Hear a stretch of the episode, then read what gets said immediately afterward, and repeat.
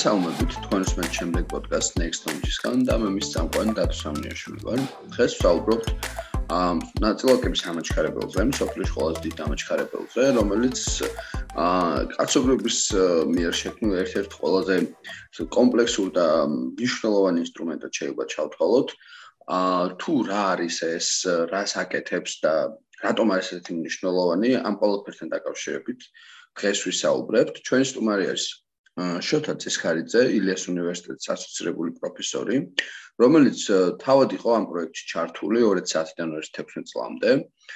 შოთა გამარჯობა. გამარჯობათ, მოგესალმები დავით. მადლობა, რომ ჩვენთან ერთად ხართ პირველ რიგში. მადლობთ მოწვევისთვის. კი ბატონო. აა მოკლედ აი პირდაპირ დავიწყოთ, ხო? ანუ ეს CERN-ის ამაჩქარებელი ალბათ ყოველს სმენია, მაგრამ რა მნიშვნელობა აქვს უშუალოდ და რას აკეთებს და ასე შემდეგ ალბათ ბევრმა შეება არ იცოდეს კიდევაც, ან ბევრმა იცოდეს, მაგრამ დეტალურად არ ქონდეს ინფორმაცია და მოკლედ აი რომ დავიწყოთ პირდაპირ ხო? ანუ რა არის დღევანდელ ჩვენი სასაუბრო თემა? იქიდან გამომდინარე ცოტა ვისაუბროთ სემზე ხო? რა არის ეს ამაჩქარებელი თვითონ და მისი მნიშვნელობა და შემდეგ უკვე ალბათ იმითაც შეგვიძლია დავიწყოთ თუ თქვენ რა უშუალოდ რას აკეთებით ამ პროექტში და რა წვლილი მიგიწვით ამაში. კარგით. პირველ რიგში კიდევ ერთხელ მოგესალმებით დავიწყოთ ზოგადად რა არის CERN-ი. ну CERN-ი ეს არის ვირტუალური კვლევების ევროპული ორგანიზაცია, ну ინსტიტუტი არის, ისე ვთქვათ. სადაც ამ ინსტიტუტის ბაზაზე არაერთი ამაჩქარებელი იყო, ისე ვთქვათ, დაპროექტებული და გაკეთებული. ანუ ну ჩვენ დღეს გვაქვს ლაპარაკი მაინც დიდადრონულ ამაჩქარებელზე LHC, Large Hadron Collider. მაგრამ მანამდე იყო სხვა ამაშქარებლებიც, რომელიც უფრო პატარი ზომის იყო და ზოგადად ანუ ყველაფერი დაიწყო წრფივი ამაშქარებლებით, ხომ, სადაც პროტონის ნაწილაკებს აჩქარებდნენ და მე წლიდან წლამდე, ну, ეს ორგანიზაცია ჩამოყალიბდა 1954 წელს, სექტემბერში. და იმის შემდეგ ეს ეს ეს დანადგარები და ამაჩქარებლები ემატება და ემატება ეს არის ამაჩქარებლების კომპლექსი რეალურად, იმიტომ რომ ანუ თვითონ ეს LHC რაც არის ის არის 27 ანუ ეს არის წრიული ამაჩქარებელი, სადაც წრის სიგრძე ანუ პერიმეტრი არის 27 კილომეტრი, მიწისქვეშ არის გაყვანილი ეს ტუნელი, ეს გვირაბი და აა 150 175 მეტრის სიღრმეში არის, რომ ესე თქვა სხვა გავლენა რაც მოდის კოსმოსიდან, ну, დედამიწას ყოველწამიერად დიდი დიდი რაოდენობის ნაწილაკები, ესე ვთქვათ, გაივლიან ატმოსფეროდან, შესაბამისად შემოდიან ატმოსფეროდან და ამის ფონი რო არ იყოს მიწის ქვეშ არის ყველაფერი გაკეთებული, რომ მაქსიმალურად მოხდეს აი ამ ფონის, ესე ვთქვათ, ჩახჭუპა, ხო?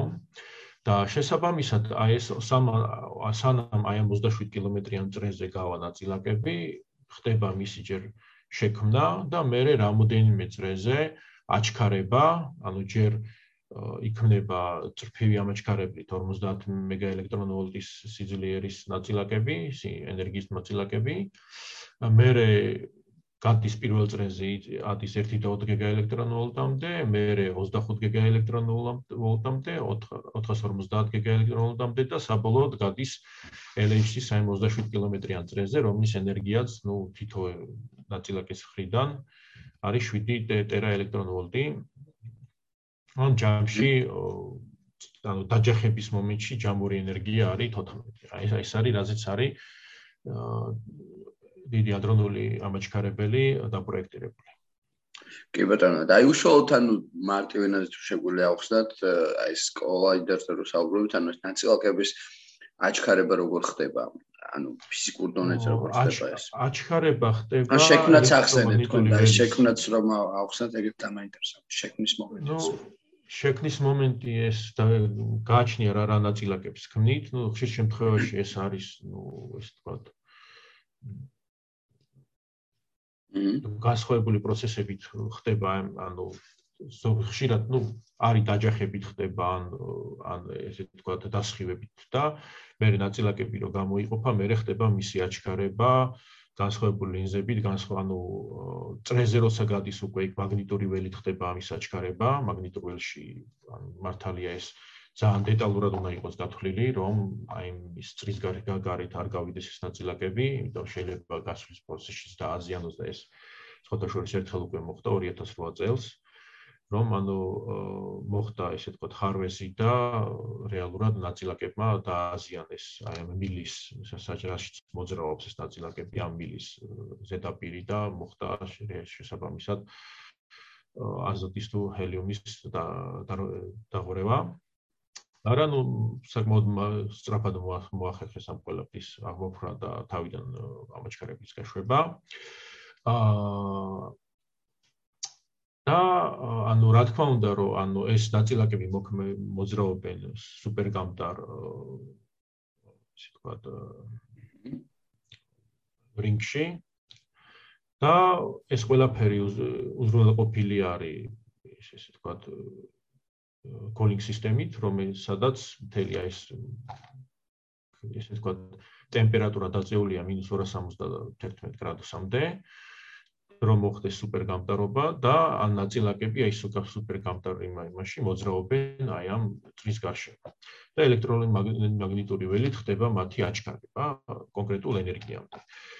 და ეს ენერგია საჭიროა იმისთვის, რომ ორი ანუ ამ შემთხვევაში ნუ LHC არის შექმნილი პროტონ პროტონების დასაჩერებლად ან ძიმეიონების ასაჩქარებლად და დაჯახების მომენტში რაც უფრო მეტია ენერგია, მით უფრო ესე იგი მაღალ ენერგიული ნაწილაკების შექმნა არის შესაძლებელი მის გამო დაჯახების ანუ ჩვენ თვითონ ნაწილაკის ენერგიას ვერ იმაშვებით, ამიტომ კინეტიკური ენერგიით აჩქარებით ხდება ამ ენერგიის დაგროვება და დაჯახების მომენტში შესაძლებელია რომ ორ პროტონმა წარმოქმნას მაღალ ენერგიული ნაწილაკები, ისეთი როგორც არის ტოპგვარკი, ну ძირითადად იგულისხმება, რომ ტოპგვარკზე არის ლაპარაკი, რომელიც 173 ვთქვათ, 173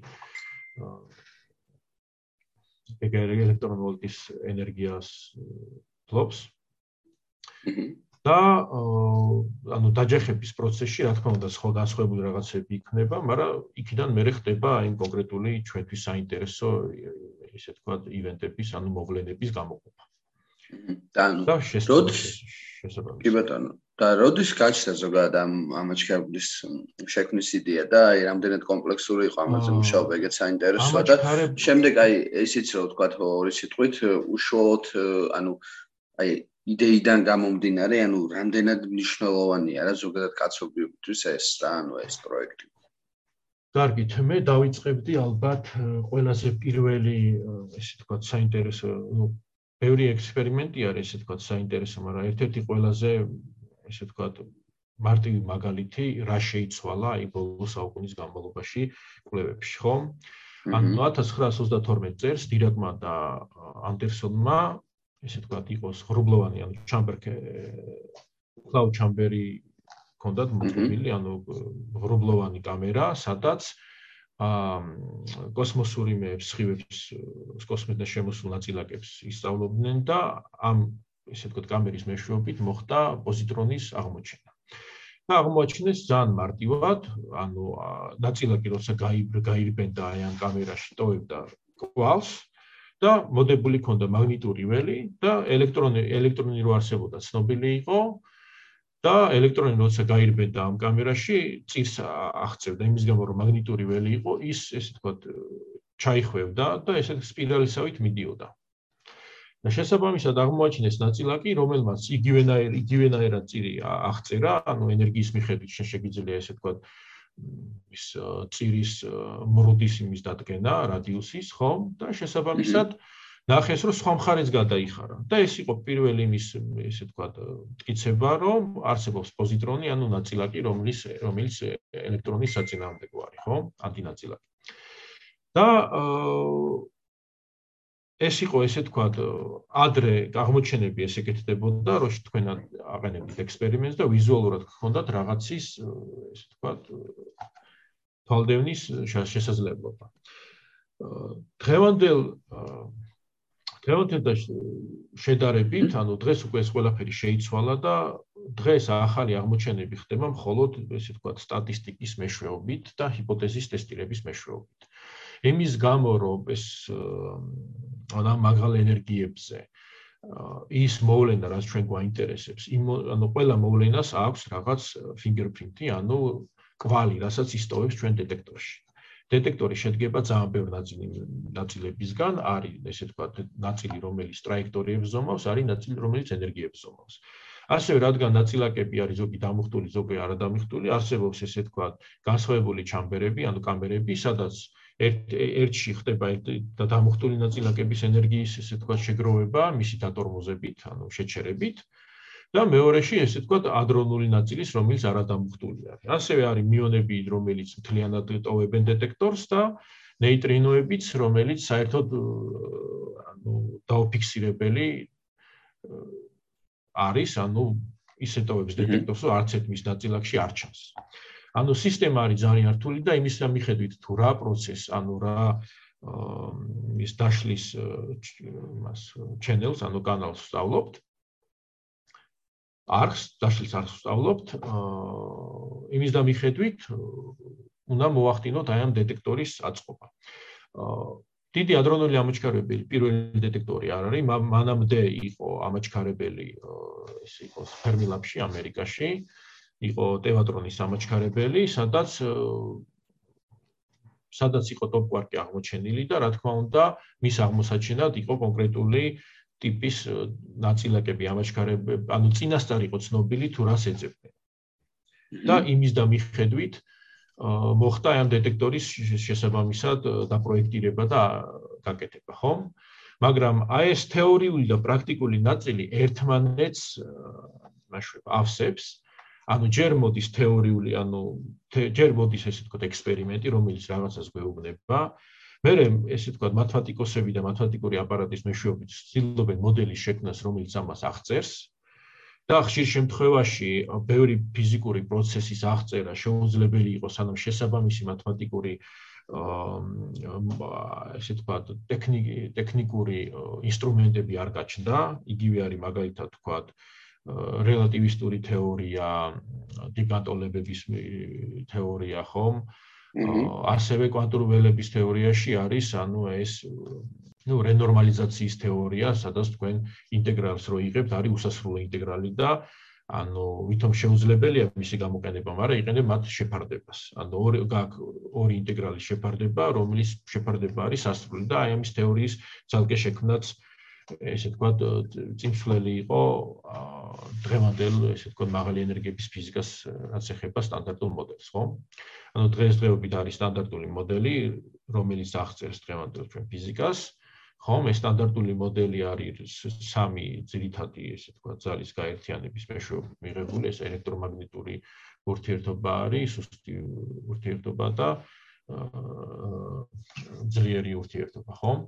აჰა და ურთიერთქმედება ბუდიშტ, ურთიერთქმედებაზე ლაპარაკი. ხო და შესაბამისად, მაგრამ ეს მოდელი ანუ კარგად აღწერს ბევრ მოვლენას, მაგრამ სრული არ არის. და სრული არ არის იმ თვალსაზრისით, რომ მაგალითად გრავიტაციის ესე თქვა ძალა საერთოდ არ მონაწილეობს მან, ანუ გრავიტაცია ძალიან მაღალ ანუ პლანკის ენერგიების იმაზე ესე თქვა ნაწილაკების დონეზე არ გვესმის გრავიტაცია, მაგას გულისხმობთ? კი, ანუ გრავიტაციის თეორია არ არის სტანდარტულ მოდელში ჩართული, ეს ერთი. მეორე, ნეიტრინოს, ანუ 2012 წელს, ანუ ნეიტრინო, როცა ანუ ელექტრონი რო არის რაღაც დაშლაში, ხომ, ელექტრონი როცა ჩნდება, ჩნდება ასევე ელექტრონეიტრინო ხშირად. მიონი როცა ჩნდება, ჩნდება მიონეიტრინო. და სტანდარტულ მოდელში ხარასა ფიზიკაში ამათი მასა ორივე არის 0. ესე არის თეორია აწყობილი. მაგრამ 2012 წელს სხვა ექსპერიმენტში ეს არიხება ამაჩქარებელს და ესე თქვა ნეიტრო ნეიტრინოების სულ სხვანაირი დანადგარი არის.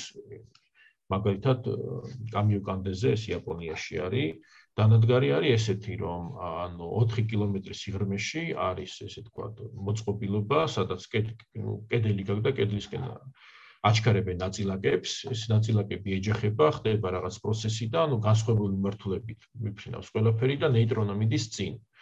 და 200 კილომეტრში სადღაც არის უზარმაზარი რეზერვუარი წყლით, რომელიც ესე თქვა მიწისქვეშ არის რომ გარისხივები და ფონი არ არ მოდიოდეს ესე თქვა კოსმოსური იმეებიდან და იმის მეშვეობით ხდება ამ ნეიტრინოს დაფიქსირება, რომ იქ რაღაცა შეიძლება ისეთ ესე თქვა გაანათოს აი იმ ფოტომულტიპლაიერებზე, რაც აყენია იმ დიდ წყლის რეზერვუარებში, რეზერვუარებს შიგნით.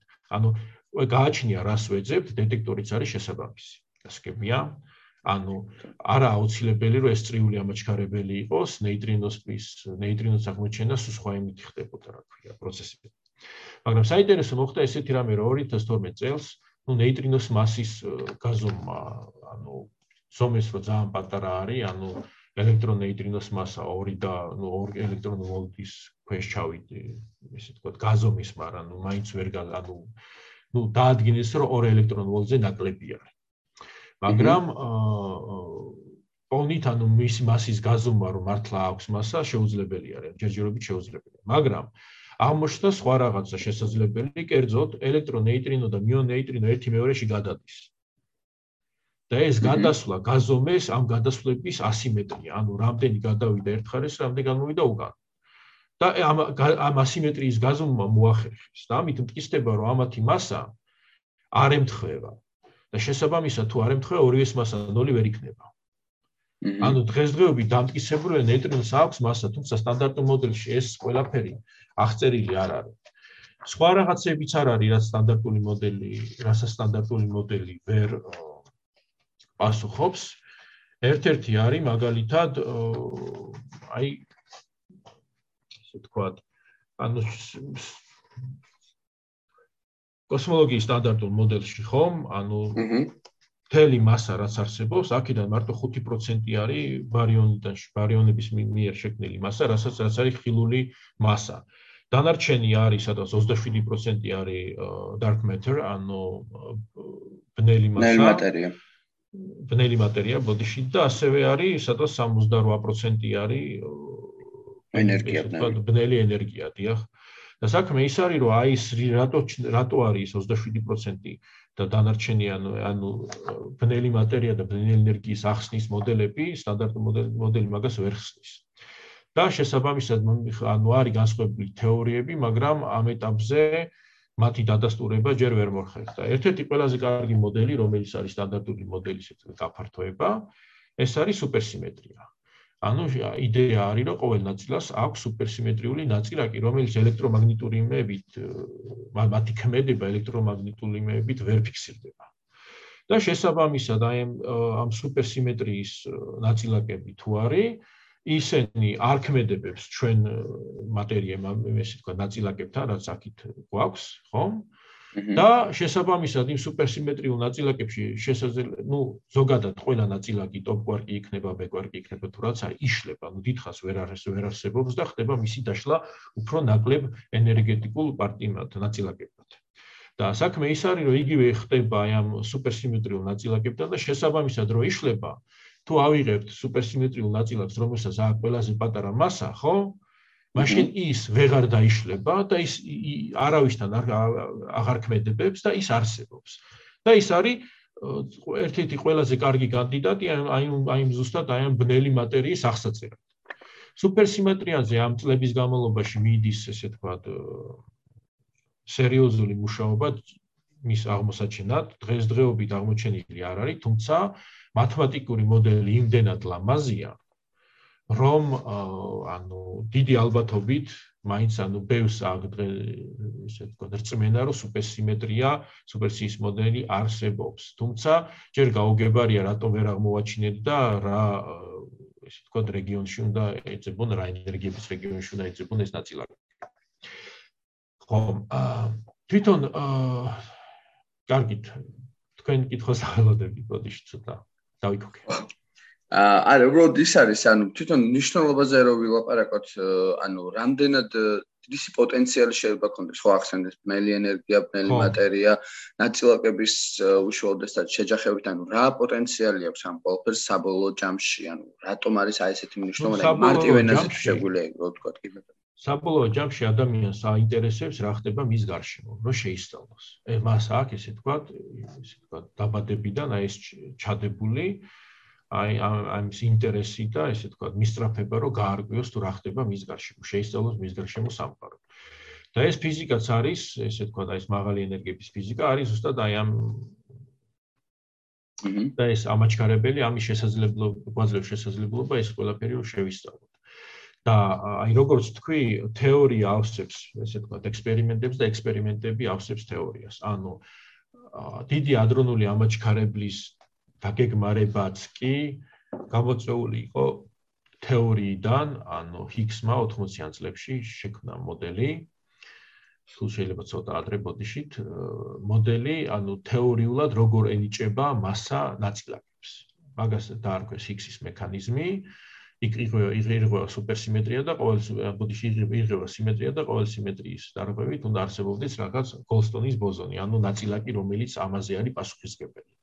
და შესაბამისად, მასის შემოსატანად ამ ნაწილაკს ერქვა ჰიგსის ნაწილაკი, ჰიგსის ბოზონი. და თეორიულად იყო ცნობილი, რომ ის ერთ ელექტრონულზე ნაკლები უნდა იყოს და დაიწყეს მისი ძებნა. ანუ ტევატრონზე, რომელიც LHC-მდე იყო და ანუ 83-დან 2011 წლამდე მუშაობდა და მონაცემებს ღებულობდა, ეს ამერიკაში რაც იყო ამაჩქარებელი, მან სადღაც 100-115 გიგაელექტრონ ვოლტამდე მოახდინა ემის სკანირება ამ ენერგიების და იმან ჰიგსი აღმოჩენილი არისო, თუმცა რაც იყო აღმოჩენილი, იყო ტოპკვარკი იყო აღმოჩენილი ტევატრონზე. ანუ ყოველი დეტექტორი რაღაც ნაწილაკის აღმოსაჩენად არის, ესე ვთქვათ, ორიენტირებული. X რაც ეხება ბუდისტის LH-ის რაც ეხება ადრონულ ამაჩქარებელს, ის მაინც იყო, ანუ ძირითადი მისი მიზეზი მაინც მიზანი იყო მაინც X-ის აღმოჩენა, იმიტომ რომ X-ის აღმოჩენით შეივსო სტანდარტული მოდელი და ის ესე ვთქვათ ნაწილაკი, რომელიც საკლდარო სტანდარტული მოდელის დადასტურება მომხდარიყო, მისი აღმოჩენა მოხდა. ის მოხდა ეს მოხდა 2012 წელს, მე ზუსტად მახსოვს, ის ატლას კონტროლ-რუმში ვიყოფებოდით მაგ მომენტში, როცა ღმერთის ნაწილოსაც ეძახიან იგივენაირად მაგაზე ხო საუბარი. დი მაგაზეა საუბარი. იმიტომ რომ ანუ ეს ნაწილაკია რომელიც რომელიცაც შემოაქვს რომელიც აძლევს მასას რომელიც ხსნის მასის არსებობას და აძლევს მასას მექანიზმი არის აძლევს მასას ყველა ყველა ნაწილაკს ესე ვთქვი. და მე მახსოვს რომ ანუ ну ახლა მისი მასა არის 125 გიგა ელექტრონვოლტი სადაც ის იპოვეს. და მახსოვს რომ ანუ აი ამ 100-დან 1 ტერა 100 გიგა ელექტრონვოლტიდან 1 ტერა ელექტრონვოლტამდე ახდენდნენ აი ამის მთელი ამ რეგიონის გასკანის დასკანირებას ესე ვთქვათ. ის სწავლობდნენ ანუ არის თუ არა ესეთი დაშლა და შესაბამისად ანუ უკვე როცა დარჩენილი იყო მარტო 125-დან 130-მდე ინტერვალი. და ანუ რაღაც მომენტში ეს რაღაც პესიმისტური ისიც იყო გაწყობა, იმიტომ რომ მაშინ გაუგებარია თუ ნაწილაკს ვერ ბოლო, მაშინ გაუგებარია ანუ მთელი სტანდარტული მოდელი არაა სწორი, მაშინ და მაშინ თეორეტიკოსების თავის ტკივილი ახალი, ანუ რა რა მოდელი უნდა აწყო, რომ ახსნა ეს ეს ურთიერთქმედებები, ხო? მაგრამ აღმოაჩინეს ბოლო იმაში ინტერვალზე აღმოაჩინეს ეს X და აღმოაჩინეს რომ ეს X არის დაბალ ენერგეტიული, ანუ ეს ნიშნავს რომ 125 გიგა ელექტრონვოლტი, ანუ უფრო ნაკლები ენერგია ის მასა აქვს ვიდრე top quarks, შესაბამისად უფრო მარტივი იქნება მისი შესწავლა. იმიტომ რომ რო ყოფილიყო მაღალი ენერგეტიული, შესაბამისად უფრო დეტექტორსაც უფრო მაღალი ენერგიები უნდა ეწარმოებინა, რომ შენ ეს შეგესწავლო. ასე რომ ესე ვთქვათ მადლობა ბუნებას რომ ჰიგსის ჰიგსის ნაწილაკს აქვს ესე ვთქვათ არის დაბალი ენერგეტიული ნაწილაკი დაბალი მასა აქვს და მისი შესწავლა არის შესაძლებელი. და შემდგომში უკვე დიახ. ხო არა ის თვითონ ეს ჰიგსის ბოზონის რახსნით და ღმერთის ნაწილაკი, ანუ იდეაში ეგ ყველაფერი ასწრდება იმას ნახო, რომ ამბობენ ხოლმე, რომ სიმულირებას ახდენენო გინდაც ამ კოლაიდერში დიდი აფეთქებისას და ცდილობენ აი ცაცხლის შეახსნა და აი. ხდება, ანუ ყველაფერი არის თეორია და მაგალითად აუხსნი, რომ რა გასხოვება არის. ანუ ადრე თუ ჩვენ უშუალოდ ხედავთ ტრაექტორიას იმაში კამერაში ხო იმის ვილსონის იმის ორობლოვან კამერაში თქვა ახლა ყველაფერი ხდება სხვანაირად ანუ აი ამ ამაჩქარებელზე ხდება აი ამ ანუ რასაკეთებენ იცით აჩქარებენ იმებს ნაწილაკებს აი აი აიყვანენ თქვა 14 ტერა ელექტრონვოლტამდე და მე ნელა ნელა ნელა ნელა დროის განმავლობაში ამ ენერგიას ნელა-ნელა ქვევით წევენ. და შესაბამისად, რასაც რაც ხდება დაჯახებები, ამ ყველაფერს იწერენ. და ის თუ რა დაეჯახა, ჩვენ არ ვიცით. და რეალურად აი ეს მონაცემები რო იქნება კიდე 30 წელი იქნება მონაცემების დამუშავება ამა თუ იმ ტიპის პროცესებზე. ანუ თუ აღმოაჩინეს თქვა ახალი ეგზოტიკური ფიზიკა ან ეგზოტიკური რაღაც მოდელი ან რაღაცა, ხომ? მაშინ ამ მოდელისთვის გენერირდება ყოფაქცევა თეორიულად, აგენერირებ თუ რა უნდა როგორი უნდა მიიღო თქვა ჯამური მასა აი პროტეინის ორი ნაწილაკის დატაკების ან მსგავსი რაღაცა. ნო და მე აი შეროცა ხო და რა თქმა უნდა ნუ ჰიპოთეზა არის რომ რაღაცა არსებობს და ჰიპოთეზა თუ არ არის ნიშნავს რომ ეს რაღაცა არ არსებობს და ხდება ჰიპოთეზის ტესტირება. სუფთა სტატისტიკა არის აქ. ანუ სტატისტიკაში როგორც არის ჰიპოთეზის ტესტირება, აქაც იგივენაირად ხდება და გვაქვს ორი ჰიპოთეზა, სიგნალი და სიგნალი იმის სიგნალის გარეშე. და საჭირო არის და რა თქმა უნდა სიგნალის გარეშე ეს არის ფონი, ხო, რაც ისედაც ხდება და ანუ ჰიქსი რო აღმოჩინეს, აი ამ ფონში პატარა-პატარა პიკი იყო აღმოჩენილი.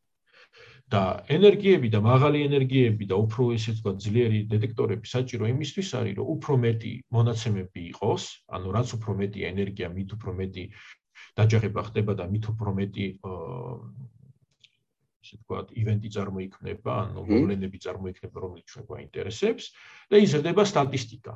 და ეს სტატისტიკა იძლევა საშუალებას აი სიგნალის და ბექგრაუნდ შორის განსხვავების მაღალი სიზუსტით განსხვავების პოვნის. Ну ფიზიკაში ითვლება ხუთი სიგმა, ხუთი სიგმა გადახრით უნდა მოხდეს გაყოფა სიგნალის და ფონ სიგნალის და ბექგრაუნდს ერთმანეთისგან. პროცესორი სიგნალს პლუს ბექგრაუნდ და ბექგრაუნდ შორის.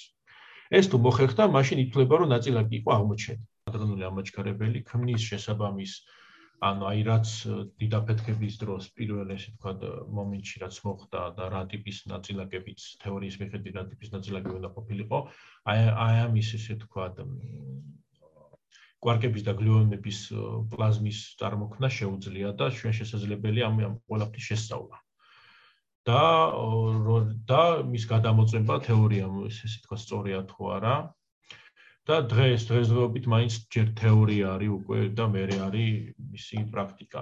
მაგალითად, აი სტანდარტულ მოდელშიც კი, როცა კვარკები იყო აღმოჩენილი, არის სამი კვარკების სამი გენერაცია, ხომ, როგორც მოგეხსენებათ. ეს არის up კვარკი და down კვარკი, ანუ ზედა და ქვედა კვარკები, ეს არის პირველი გენერაცია, მე იყო charm და strange. ანუ და მესამე გენერაცია იყო topი და bottom-ი, ხომ? და საქმე იმაშია რომ ჩამ ჩამკვარკი რომ აღმოაჩინეს ხომ ექსპერიმენტალურად იმ წამსე გაჩნდა თეორია რომ ისი ესე ვთქვათ საწინააღმდეგო მუხტის მქონე ნაწილაკიც უნდა არსებობდეს იმის კვარკიც უნდა არსებობდეს და შესაბამისად მეორე გენერაციის შექმნის შემდეგ თეორიულად დაჯდა უკვე რომ მესამე გენერაციაც უნდა ყოფილიყო ხომ?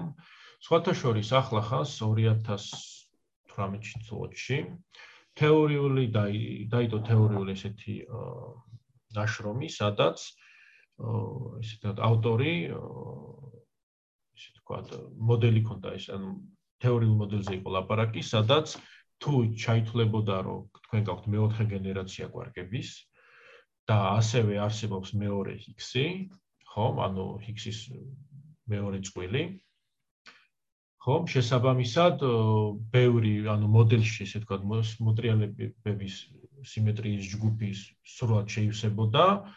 ამიტომ დიდი ალბათობით რაც უნდა მოველოდოთ მოველოდოთ ჩვენ აი ამ ამაჩქარებიდან და შემდეგი რა შეიძლება იყოს აღმოჩენილი ჩემი აზრით პირველი რის რაც ჩვენ შეიძლება მოველოდოთ უახლოეს დროს ეს არის მეორე ჰიქსის აღმოჩენა და არსებობს double higgs მოდელები. ეს რას ნიშნავს ანუ უფრო კონკრეტულად ვთქვით, ანუ ну ეს ნიშნავს რომ ანუ super ანუ სტანდარტულ მოდელის გარდა არის ესე ვთქვათ მოდელი სადაც ორი higgs-ი გაქვს.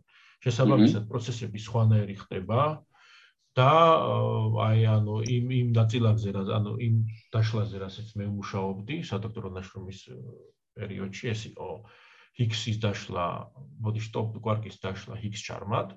ეს არის ესე თქვა ეგზოტიკური დაშლა ითვლება, ანუ ძალიან პატარა ამის ალბათობა, მაგრამ თუ ორი ჰიქსი არსებობს, ამის ალბათობა ბევრად იზრდება, 1000 ჯერ იზრდება და ნუ მეორე ჰიქსი რეალურად სურათ შეცვლის. მაგრამ ამ ეტაპზე, ანუ 1 ტერა ელექტრონვოლტის ფარგლებში მეორე ჰიქსი ჯერ ნაპოვნი არ არის და დიდი ალბათობით აი როცა ხდე ანუ ამ ეტაპზე როგორც იცით 18 წლიდან ამაჩქარებელი გაჩერებული არის, იმიტომ რომ ხდება მისი upgrade-ი, ანუ გაუმჯობესება. ერთხელ upgrade-ი იყო ჩატარებული, ეს იყო 2012-13 წლებში. და ნუ პარალელურად როცა მიდის მონაცემების მიღება, ასევე არის ჯგუფები, უზარმაზარი რაოდენობა ჯგუფის. აა თუ თვითონ CERN-ის უნივერსიტეტში არის ბევრი განსხვავებული უნივერსიტეტებიდან, საქართველოს უნივერსიტეტებიდანაც ჩართული აი ამ კვლევებში და ყველა თავისი ისე თქვა იმას ასრულებს ნაწილს. იმიტომ რომ ანუ მომდენო განვითარება იმდენად ძვირად ღირებული არის ქვეყნისთვის, რომ მარტო ერთი ქვეყანა ხომ ვერ ახერხებს ასეთი რთული იმის უზრუნველყოფას და ძირითადად ეს არის არაფინანსური, არამედ ადამიანებრივი რესურსი, იმიტომ რომ საჭირო არის დიდი რაოდენობის მეცნიერები, რომ ეს პროცესი, ესე ვთქვათ, მოხდეს ამ პროცესის წინსვლა, ხო? და ახალი აღმოჩენების გაკეთება და თუ ადრე შესაძლებელი იყო რომ დამოუკიდებლად ერთ ცალკე უნივერსიტეტი აკეთებდნენ, მერე ცალკე ქვეყანა და ასე შემდეგ, ხო? ახლა უკვე ქვეყანაც ერთი ქვეყანაც არ არის საკმარისი, რომ მან მოახერხოს ამ ყველაფრის გაკეთება. ну და შესაბამისად საჭირო არის კოლაბორაცია ბევრი ინსტიტუტების და უნივერსიტეტების კოლაბორაცია რომ ესე თქვა მოხდეს მეცნიერების წინ წაწევა. ამ ეტაპზე დიახ აა ანუ მას ამბობთ თქვენ ეს თავ განახლებაზე და მაგხრივ ეხაც ხო განახლების პროცესი იყოს თუ ცოტა ხნის წინ დასრულდა და სატესტო რეჟიმში ჩაერთულა დაიწყო ეს ანუ ახლა ჩაერთო თუ არა ზუსტად არ ვიცი მაგრამ სატესტო რეჟიმში ჩართეს კი უკვე ზუსტად ვიცი და რაღაც დონეზე რეკორდის დაამყარაო ესე დაიწერა მაგაზე ხო, რეკორდი დაამყარეს, ალბათ ენერგია აწიეს. აჰა. მომწე ნუ ეს არის High Luminosity LHC პროექტი არის, 2025 წლამდე იქნება და მისი ენერგია აა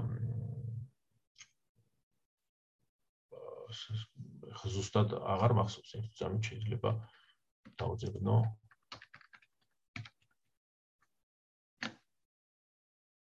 ანუ სადამდე უნდა იყოს?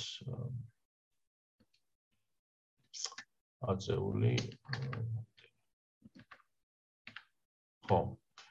ანუ ეხა მომავალში რა რა იგეგმება სამწუხაროდ მე მის ამის ინფორმაცია არ ქონდა მაგრამ ნუ საბოლოოდ ასტერა ელექტრონულამდე უნდა ავიდეს უახლოეს 2040 წლამდე ასტერა ელექტრონამდე აწევენ ენერგიას შესწავლისას.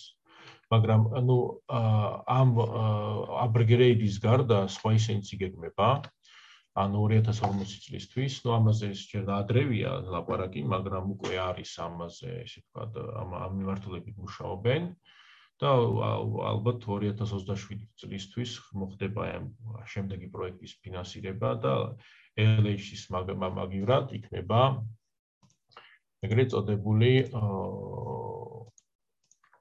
future synchronous collider, ანუ მომავლის წრიული კოლაიდერის, ესე ვთქვათ, ამაჩქარებელის შექმნა, რომელიც რომელზეც ნაწილაკები უკვე LH-ის ჰადრონულ კოლაიდერით წრიდან გავა და ის ასევე იქნება ჟენევაში, იმიტომ რომ ანუ ცალკე ესეთი დეტექტორის შექმნა ითხოვს უკვე არსებულ, ესე თქვა, დამაჩქარებლების გამოყენებას, ამიტომ ესე თქვა, საუკეთესო ადგილი და შესაბამისად ლოგიკური გაგზელება ზუსტად ჟენევის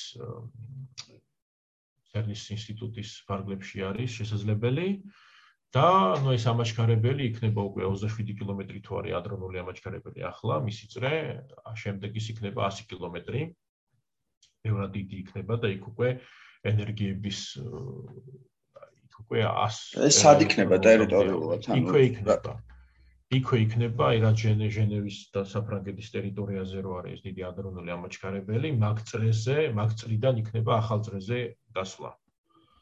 ანუ ეს წრე გაიზრდება თუ ახალი გაშენდება აი მაგას? ახალი გაკეთდება. ახალი გაკეთდება. და საბოლოო მიზანი ანუ აი რა შეიძლება იყოს ამის ანუ სადამდე შეიძლება ამ ხრივ მივახციოს კაცობრიობა მან რა რა არის ის კიდაც მაქსიმუმი არის ალბათ ისეთი მოდელის შექმნა რომელიც ყველაფერს აღწევს ამ ეტაპზე გრავიტაცია სტანდარტულ მოდელში არსად არ ფიგურირებს თეორიულად. და ანუ პირველი რაც არის ანუ გრავიტაციის შესწავლა, იმიტომ რომ თქვენ როგორც იცით, ნებისმიერი წინსვლა იწვევს ახალ ტექნოლოგიებს, ხომ? ანუ ის რასაც ჩვენ ხმარობთ, ტელეფონი იქნება, კომპიუტერი იქნება, ანუ ნებისმიერი მოწყობილობა, ნებისმიერი, ესე ვთქვათ, სამეცნიერო შედეგი საბოლოოდ იწვევს, ესე ვთქვათ, ხალხის კეთილდღეობის გაუმჯობესებას, ხომ? და შესაბამისად თუ მოხერხდა ესე თქვა გრავიტაციის თეორიის შესწავლა და გარკვევა თუ რა როგორ ხდება და რა და ასე შემდეგ შესაძლებელია ტექნიკურადაც დიდი ალბათობით მაინც იმედი მაქვს შესაძლებელი იქნება ესე ვთქვათ, კოსმოსური ხომალდების აწყობა, რომელიც უბრალოდ აი ამ პრინციპზე იმუშავებს. ну антигравитაციული ველების გამოყენებით, არ ვიცი, მოკლედ, ანუ ესეთი მოკლედ ის იქნება საშუალება სულ ახალი ტიპის ტექნოლოგიის მიხედვით, ესე ვთქვათ, ფრინავი ხომალდების შექმნა, რომელიც გრავიტაციას გამოიყენებს როგორც მოძრაობის ძალას. Ну ამის თეორიები, თეორიები არის მუშავდება, მაგრამ ნებისმიერ თეორიას სჭირდება აა ესე ვთქვათ ექსპერიმენტალურად დამამტკიცებელი ფაქტები, ხომ? და კითხვა თუ რატო არის ჩვენი სამყარო ესეთი, ნუ უბრალოდ იმიტომ რომ ექსპერიმენტს აკმაყოფილებს. ანუ რატო არის ესეთი თეორია, ხო? იმიტომ რომ ამ თეორიის მიხედვით და დააყენეს ექსპერიმენტი და მივიღეთ აი ესეთი შედეგები. მართალია სტანდარტულ მოდელში არის 19 განსხვავებული კონსტანტა, ხო, რომელიც მას აღწერს და ამ 19 თავისუფალი პარამეტრიდან, ნუ ერთი ის ასევე კიდე ერთი პრობლემა რაც არის, არის ბიობრიობის პრობლემა, ანუ ნატურალნესის პრობლემა, რომელიც ნიშნავს ესეთ რამეს, რომ ის თქვენ თუ ნახავთ მასებს, ნაწილაკების მასებს, ხო, ყველა ანუ მაგალითად კვარკების მასებს, ხო, ყველა არის ახლოს ტოპ კვარკის გარდა. ხო? ანუ უახლოესი, ანუ ყველაზე მძიმე კვარკი არის ტოპ კვარკი, რომელიც არის 160 გიგა ელექტრონვოლტი და შემდეგი მასის მიხედვით მოდის ბოტომ კვარკი 4. ანუ არის 174 გიგა ელექტრონვოლტი, მე 4 გიგა ელექტრონვოლტი, 1 გიგა ელექტრონვოლტი და ასე შემდეგ. ან დანარჩენი უფრო ახლოსა ერთმანეთთან ვიდრე დროპვარი. და რატომ მოხდა ესეთი, ესე თქვათ, აცილება, ხო? ну და შესაძლებელი იყო თუ არა სხვანაირად ყოფილიყო ეს ყველაფერი ყველაფერი. ну ამისთვის ამისთვისაც არის სხვა თეორია და შესაბამისად სხვაგან სხვა ესე თქვათ სხვა galaktikაში ან სხვა სამყაროში შეიძლება სხვა კანონები არსებობდეს. ამას არავინ არ გამორიცხავს.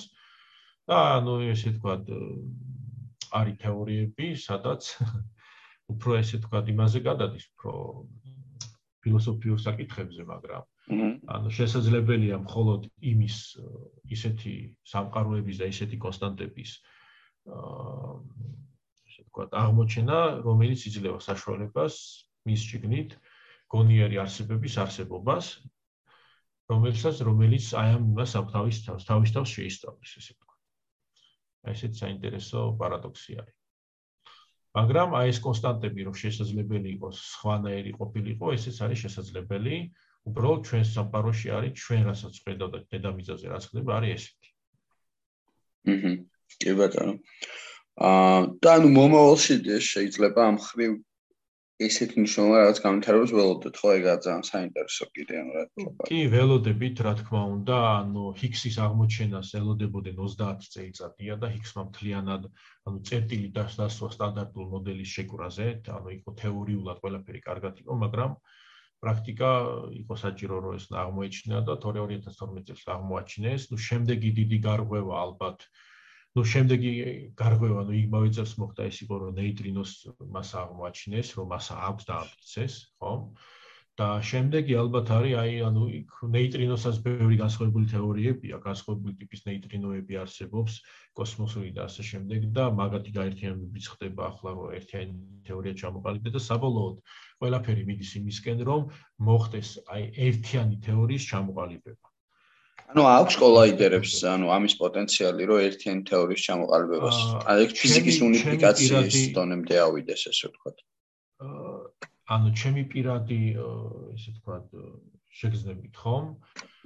ამ ეტაპზე პრობლემა დეტექტორის არ არის, ამ ეტაპზე არის მათემატიკური ინსტრუმენტების პრობლემა. ანუ მათემატიკური მოდელები რაც არის, ხომ, არ იძლევა საშუალებას გაერთიანების, იმიტომ რომ ანუ აი ეს დიდი გარაი გაერთიანება რომ მოხდა ელექტრომაგნიტური სუსტი და ძლიერი ურთიერთქმედებები რომ გაერთიანეს ერთ თეორიაში ხომ კიდე შესაძლებელია სხვა გაერთიანებაც რომ მოხდეს საერთოდ გრავიტაციას დაემოწოს და ასე შემდეგ მაგრამ თვითონ მათემატიკური ინსტრუმენტი არ იძლევა ამის საშუალებას. ანუ შემდგომში ალბათ გავა რამოდენიმე 10 წელიწადი ხო? და როცა მათემატიკური შესაძლებელი მათემატიკური თეორია წამოეწევა რომ აუხსნათ ეს ხომ? მერე მოხდება შესაძლებლობა, რომ უკვე გვეცოდინება შემდეგში რა რას ვეცებთ. თუმცა ამ ეტაპზე არის ანუ ისე თქვა მნიშვნელოვანი აღმოჩენები, რაც შეიძლება გაკეთდეს, ეს არის სუპერსიმეტრიის ნაწილაკების აღმოჩენა. თუ აღმოაჩინეს მაშინ ჩაი ჩაითვლება, რომ ახალი ერა იქნება დაწყებული ფიზიკაში, მაღალი ენერგიების ფიზიკაში. იმიტომ რომ ანუ ყოველთვის მასეთ იმას, როგორც ერთი ნაწილაკი აღმოაჩინე, მოყვებას და ანჩენ ნაწილაკების აღმოჩენა. არა სამწუხაროდ აი ენერგიებზე რასაც ახლა აქამდე რასაც აქამდე ახლა აქამდე გადიოდა ადრონული ამაჩქარებელი იმ ენერგიებზე ამის შესაძლებლობა არ გქონდა. მაღალ ენერგიებზე შეიძლება კიდევ როცა გაიზრდება ამი ესე თქვა ენერგიები, ენერგიების ქვეშ იქნება აი პროტონ პროტონის დაჯახების ჯამური ენერგია, ხომ? იქ უკვე ალბათ შესაძლებელი იქნება იმ ნაწილაკების შექმნა, რომელიც უფრო მაღალ ენერგეტიული იქნება. და ამ ეტაპზე ძირითადი რაც იქნება პროტონ-პროტონის დაჯახებით არის ტოპ-ანტიტოპის წყვილი და რეალურად ნუ ჯამში სადაც 300 გიგაელექტრონ 300 არა 350 გიგაელექტრონოლზე მეტი უნდა იყოს. და თვითონ საინტერესოა ზოგადად აი როგორ ხდება ეს პროცესი, ანუ დაჯახების შედეგად რას ვხედავთ, ხომ? და ალბათ თუ საინტერესოა მაგაზე შეგვიძლია ვილაპარაკოთ. ანუ აი ანუ დეტექტორში რას ხედავთ. კი ბატონო, საინტერესოა. ანუ დაჯახების შედეგად, ანუ ეს პროტონები, ანუ საწინააღმდეგო მიმართულებით მოძრაობენ ორ ეს ამას ქვია აა სხივის მილი, beam pipe, სხივის მილში. და რა დეტეკ ანუ აი ამ წრეზე არის 4 ძირითადი დეტექტორი, არის ატლასის და CMS-ის დეტექტორები, რომელიც ესე თქვა არის ესე თქვა general ფიზიკის ზოგადი ფიზიკისთვის გაკუთვნილი. არსებობს ასევე არის ელის ელის დეტექტორი, რომელიც უფრო იონიზებურ იმებს ნაწილაკებს სწავლობს და არსებობს არსებობს ასევე LHCb, რომელიც ესე თქვა ნაწილაკებს სწავლობს, სადაც ბეკვარკები არის დომინირებული, ხო? დომინირებული ნაწილაკებია, შეიძლება ბეკვარკებს შეიცავს დომინირება. და ანუ აღმოჩენა ხდება ის ანუ აღმოჩენა რომ მოხდეს, არ უნდა იყოს რომ აღმოჩენა არის დეტექტორის ესე ვთქვათ ბაგი ან ესე ვთქვათ დეფექტის გამო. ამიტომ ნებისმიერი აღმოჩენა რაც ხდება ამაჩქარებელზე, უნდა მოხდეს ორივე დეტექტორში, ანუ ორივე დეტექტორმა, ატლასის და CMS დეტექტორებმა უნდა დაინახოს ეს ნაწილაკი, ორივე მან რა ქვია, ექსპერიმენტმა უნდა აღმოაჩინოს. და ეს ორივე დეტექტორი არის განსხვავებული ტექნოლოგიით აწყობილი, სპეციალურად რომ ის რასაც აღმოაჩენთ, არ იყოს ესე ვთქვათ დეტექტორის დეფექტის გამო. გასაგებია? კი ბატონო. და თვითონ დაჯახების პროცესში ხდება ძალიან ბევრი განსხვავებული პროცესი. იმდენად ბევრი არის, რომ ამ ყველაფრის თვალყურდევნა და ესე ვთქვათ, მე სიმულაცია და ეგრე ზართული პროცესია. კერძოდ, პირველად პირველ პირვანდელზე რაც ხდება, ანუ დეტექტორის გულში, ამ პიქსელურ დეტექტორი ქვია, ხდება ტრაექტორიების გაზომა, ანუ საით რა საით მიფრინავს და ასე შემდეგ. და ესე ვთქვათ, წამში რამოდენიმე ანუ დაჯახების შედეგი შედეგად პიკაბაიტი 1 ანუ ტერაბაიტი და მეორე პიკობაიტი არის. ხო 1 პიკობაიტი მონაცემების ის ხდება თვითონ დაჯახებაზე შექმნა. ამდენი ასეთი ისე თქვა დიდი ინფორმაცია იქნება ყოველ დაჯახების შედეგად.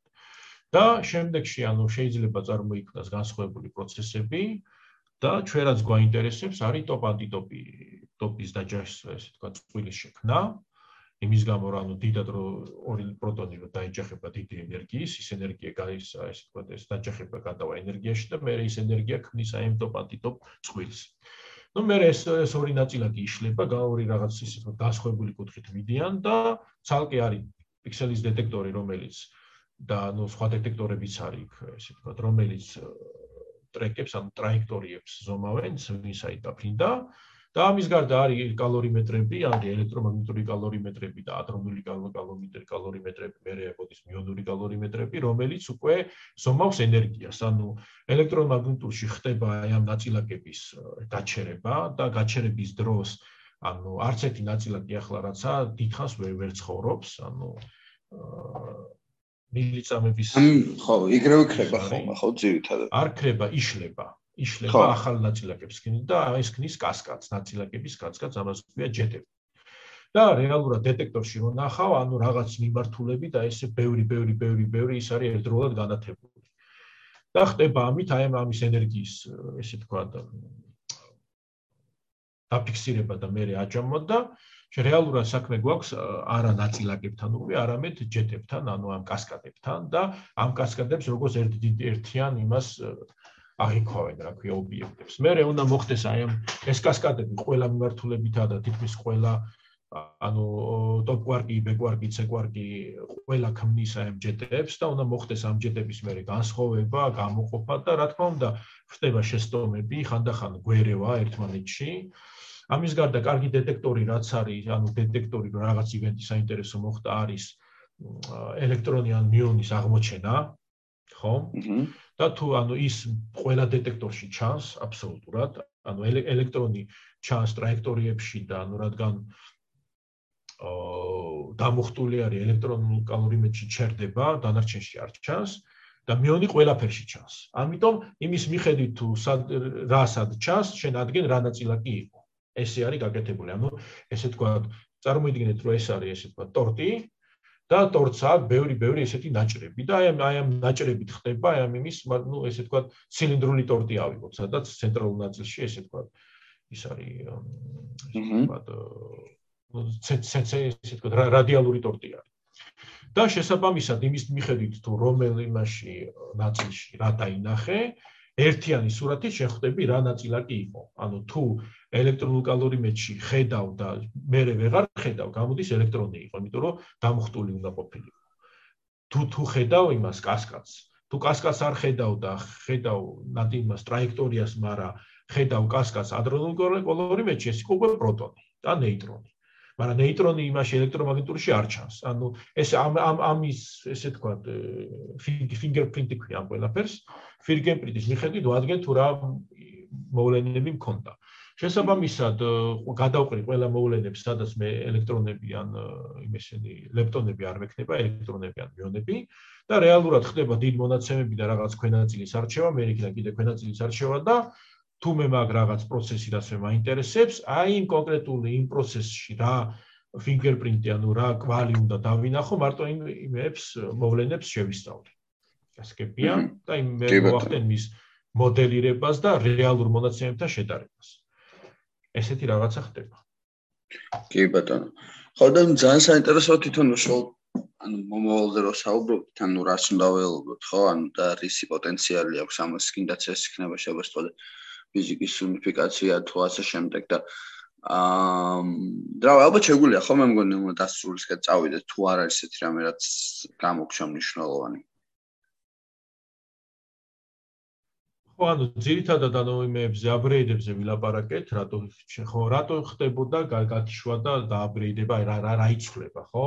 ძირითადი პრობლემა ის არის, რომ აი ეს ნაწილაკები არის ანუ დეტექტორები, ანუ პიქსელური დეტექტორები მაგალითად, აი იმ აპგრეიდზე რაზეც მე ვიმუშავე 2010-დან 12 წლამდე ხდებოდა ცენტრალური ნაწილში იმის გამო, რომ ენერგია იზრდება, ხო? აი ერთეულ ერთეულ დროში იზრდება დაჯახებების რაოდენობა. შესაბამისად იზრდება ტრაექტორიები და ჩვენ გვჭირდება უფრო მეტი შრე, რომელიც უფრო ახლოს არის ამ ამ ბიმპაიპთან, ანუ აჰა, მასთან რა ქვია, სხივის მილთან, რომ მოახდინოთ ამ ტრაექტორიების განსხვავება. შესაბამისად, რაც უფრო ახლოს დააყენებთ აი ამ ბიპაიპთან ამ დეტექტორს, მით უფრო დიდ რადიაციას, ესე ვთქვათ, ღებულობს და ეს სილიკონის დეტექტორები ფუჭდება. ანუ სილიკონი იცვლის თვისებას, ხო? და შესაბამისად უკვე ვეღარ ახერხებს კითხვას, ხდება ხმაურიანი სილიკონი დეტექტორები და შესაბამისად ყოველ ეტაპზე ხდება ან დამიშრის დამატება, ან იმების, რა ქვია, თვითონ მეების დეტექტორების შეცვლა, იმიტომ რომ აი ეს ნაწილაკები აზიანებენ მოწყობილობას. ყველაზე დიდი ზიანი, რა თქმა უნდა, ეხება პიქსელის დეტექტორებს, იმიტომ რომ სილიკონი დროთა განმავლობაში რადიაციის შედეგად იცვლის ყოფაქცევას. და უკვე აღარ კითხულობს. ან პირიქით სუანათებს და შესაბამისად მე უკვე ხდება თუ დაზიანებული პიქსელი დეტექტორს დაზიანებული პიქსელი აქვს და სუ ანათებს ანუ სუ ხდე რაღაცას აფიქსირებს ხო? ხმაურიანი პიქსელი ქვია და მე შესაბამისად ხდება მაგის გაფილტრა მაგრამ თუ სადღაც 10%-ზე მეტი გაიფილტრა გაიქშა და არითლე არი არიყენება რომ ტრაექტორია დათვალო შესაბამისად უკვე შენ ტრაექტორიას ვეღარ ადგენ წესიერად და უკვე საჭირო არის ამ დამიმის დეტექტორის შეცვლა. კი ბატონო. აა კი ბატონო. და რა ვიცი, ანუ ალბათ მაშინ მოიწეს რაღაცას, ხო, აი დასასრულს თქვათ ის თუ რა შეიძლება მოხდეს უახლოეს მომავალში და ამით ალბათ შეგვიძლია ნეულად დავასრულოთ ხო რაღაცა იმის ვენელმა რომ იცოდეს აი უახლოეს მომავალში რას ველოდებით მოკლედ ამ ყველაზე რეალური არის. მანამდე როცა თუ თქვენ გახსოვთ ამაჩქარებელი რომ გაუშვეს ყველა ესე თქვა დარდობდა რომ რამე შავი ხრელი არ შეიქმნას დედამიწის ახლობლად და ო ეგი ხო კი კი კი კი თვალსაც ეკითხება მაგას უპასუხებთ რომ მაგას უპასუხებთ რომ საქმე ის არის რომ შავი ხრელის შექმნის ალბათობა აი ამ წლების მანძილზე ანუ ნაწილაკები კოსმოსიდანაც მოდის. და ეს კოსმოსი ბევრად უფრო ენერგეტიული ნაწილაკები რომელიც ჩვენ შეგვიძლია აქ შევქმნათ და ეს ესე თქვა დედამიწას ესე თქვა გაივლის ეჯახება. შესაბამისად აი ამ რამდენი მილიონი წელი არსებობს დედამიწა ხო? რამოდენიმე ასეული მილიონი წელი ხო აი ამ დროის განმავლობაში ერთი შავი ხველი არ შექმნილი და ალბათობა იმისა რომ ის აი ამ ადრონულ კოლაიდერზე შეიქმნება შავი ხველი ბევრად ნაკლები არის ვიდრე აი იმის მთელი დროის განმავლობაში რომ შავი ხველი შექმნილიყო დედამიწის ახლობლად ამიტომ იმის ალბათობა რომ რაღაცა შექმნიან და გააბჭებენ, ანუ ნაკლებად ანუ მაგაზე შეიძლება არ ინერვიულოთ, მაგი არ მოხდება. აა მაგრამ ანუ მომოვალში, ну ხო, მაგრამ რა არ მოხდება. და რაცაც ველით მომოვალში, ანუ იმედი არის, რომ ესე ვთქვა, ახალი ნაწილაკების აღმოჩენებაც აღმოჩენაც მოხდება, ანუ რაცაც ველით ეს არის სუპერსიმეტრია, ძალიან აქვს იმედი ფიზიკოსებს, მე ჩემს ჩათვლით რომ მოხდება მისი აღმოჩენა, ან მეორე ჰიგსის აღმოჩენა. და ძირითადი, ანუ თეორიული პრობლემა აქ არ არის, აქ არის სტატისტიკური პრობლემა, ანუ მონაცემები არ არის საკმარისი, რომ შენ მაღალი სიზუსტით მოახდინო იმის სიგნალ სიგნალი ანუ ამ ჰიპოთეზების სადაც შენ გაქვს სიგნალი და სადაც შენ არ გაქვს სიგნალი ამ ორი ჰიპოთეზის გაყოფა ეს ეს ესა და ეს. კი ბატონო ძალიან საინტერესოა მოკლედ და რა ვიცი საინტერესო ეპოქაში ცხოვრობთ ხო რეალურად როცა რაღაც სულ რაღაც მოლოდინში და სულ რაღაც ახლის გაგებაში მოლოდინში ვარ. მაგაზე თქვენს ადრე რომ ანუ ყველა ეპოქა არის საინტერესო. თქვენ რომ ნახოთ მაგალითად როგორ აღმოაჩინეს პლანეტები როგორ აღმოაჩინეს აი ესე თქვა და ნიუტონმა რომ აღმოაჩინა თავისი მესამე კანონი და ასე შემდეგ ხო?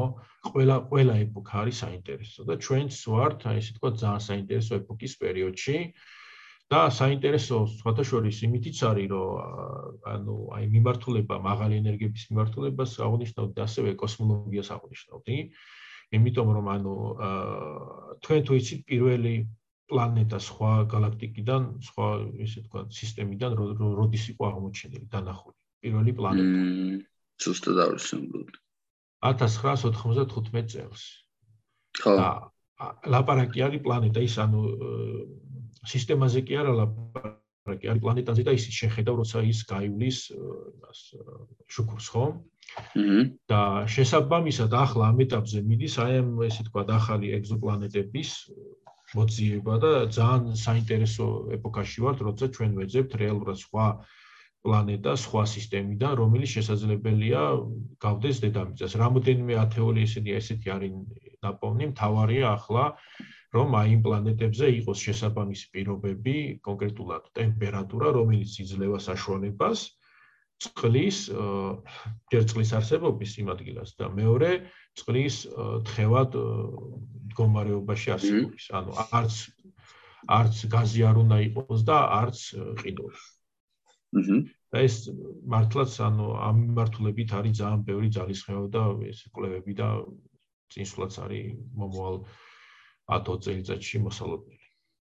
კი ბატონო, ხო აი თქვენ ახლა ფიზიკა.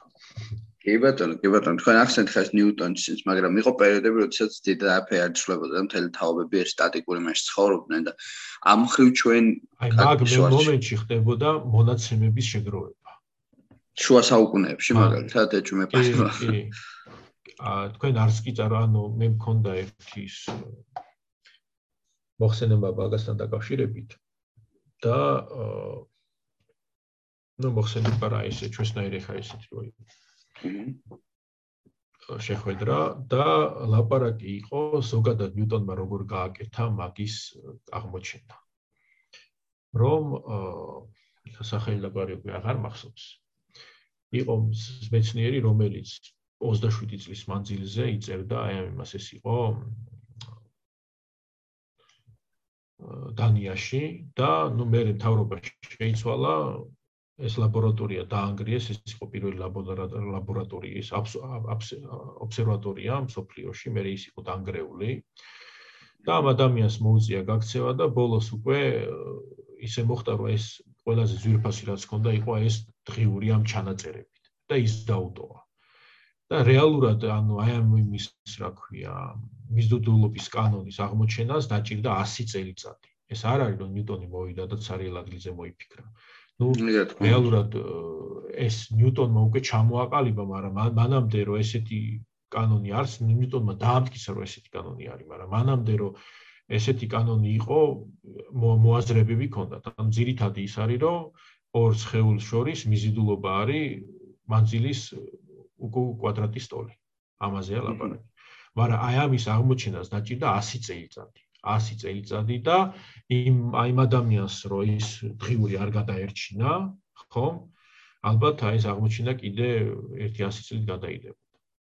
ანუ ყველა კი ბატონო ეს რა თქმა უნდა ანუ ერთმანეთს არის დაშენებული და ეს თავისთავად ვიღაც რაღაც ვერ შევა მაგრამ მეორე არის რომ ანუ რამდენად სვალებადი იყო ადრე სამყარო გინდათ შუა საუკუნეებში იმას შედავით ვიდრე დღეს ვართო ერთ თაობას შეუძლია 20 წელიწადში დაინახოს მის გარშემო ყოველდღიური გინ ტექნოლოგია თუ ყველაფერი როგორ იცვლება. ამას გულისხმობდი და ზოგადად ამ ხრივ არის მურის კანონი ნუ ის ცოტა სხვა რამის ამბობს მაგრამ ნებისმიერი ის განვითარება ხდება ექსპონენციალური სიჩქარით აჰა აბსოლუტურად ყველაფერი მაგალითად ახლაც კი თუ წავიდა ლაპარაკი მაგალითად კი მაგალითად ადამიანების ანუ კაცობრიობის გენომის გაშიფვრის, ხო? და თქვა 20 წელი 20 წელიწადში უნდა მოხდეს ეს პროცესი. პირველ 10 წელიწადში მარტო 2%-ის ჩაწერა მოხდება. დანარჩენი დანარჩენი 5 წელიწადში მოხდება 98%-ის დამუშავება, იმიტომ ექსპონენციალურად ესე არის. ესე ხდება განვითარება და აღმოჩენების რაოდენობაც კი იმდენად არის ესე თქვა დაჩქარებული რომ ანუ ყოველ წელს სტატიების რაოდენობა რო ნახოთ აღმოჩენების რაოდენობა რა ნახოთ მაგრამ ისიც ექსპონენციალურ კანონს მიყვება. და არსებობს ეს ეს მურის კანონი ცოტა ფიზიკიდან გადაუხვიეთ და ის ეხებოდა ესე თქვა ტრანზისტორების სიხშირეებს თუ იცით მაგრამ მოდის კანონი ის კი არ არის რომ ტრანზისტორების ის სიხშირე იზრდება ყოველ ორ წელიწადში, მორმაგდება ყოველი რა წელიწადში თუ რაღაც ისეთი, ხო? თელი იდეა მურის კანონი მაგაში არ არის. ანუ იდეა არის რომ კანონი არის, მაგრამ ნუ დაუმტკიცებელია და რას ამბობს ეს კანონი რომ როგორც კი აი რაღაც თეორიის მიხედვით, თეორიის კი არა, ну ეს შეზღუდების მიხედვით, რაღაცაზე მე მე თქვენ ტრანზისტორს ვერ ზრდით, იმიტომ რომ ანუ ტრანზისტორის გაზრდა და ის სიხშირის გაზრდა დამოკიდებული იყო იმას ჩიპებში მანძილების შემცირებაზე, ხო? მაგრამ ეხა მოლეკულების დონეზეც რო დახვიდე რაღაცაზე ნაკლებად, ხო, ვეღარ ამცირებ. კი ბატონო. და გამოდის რომ აი ამ იმას უნდა ქონოდა შეზღუდვა, მაგრამ როგორც კი ლიმიტი, როგორც კი შენ მაგ ლიმიტს აღწევ, ჩნდება ახალი ტექნოლოგია, რომელიც ამის განვითარებას უწყობს ხელს. ეს არის მურის კანონი. აჰა. ანუ და შემდეგში როგორც კი ანუ ამ მულტიპროცესორი სისტემებით მიიღწევა ლიმიტი, შექმნება ახალი ტექნოლოგია, შეიძლება იყოს კვანტური კომპიუტერები, შეიძლება იყოს ბიოტრანზისტორები და ასე შემდეგ. გასაგებია, ეს არის იდეა.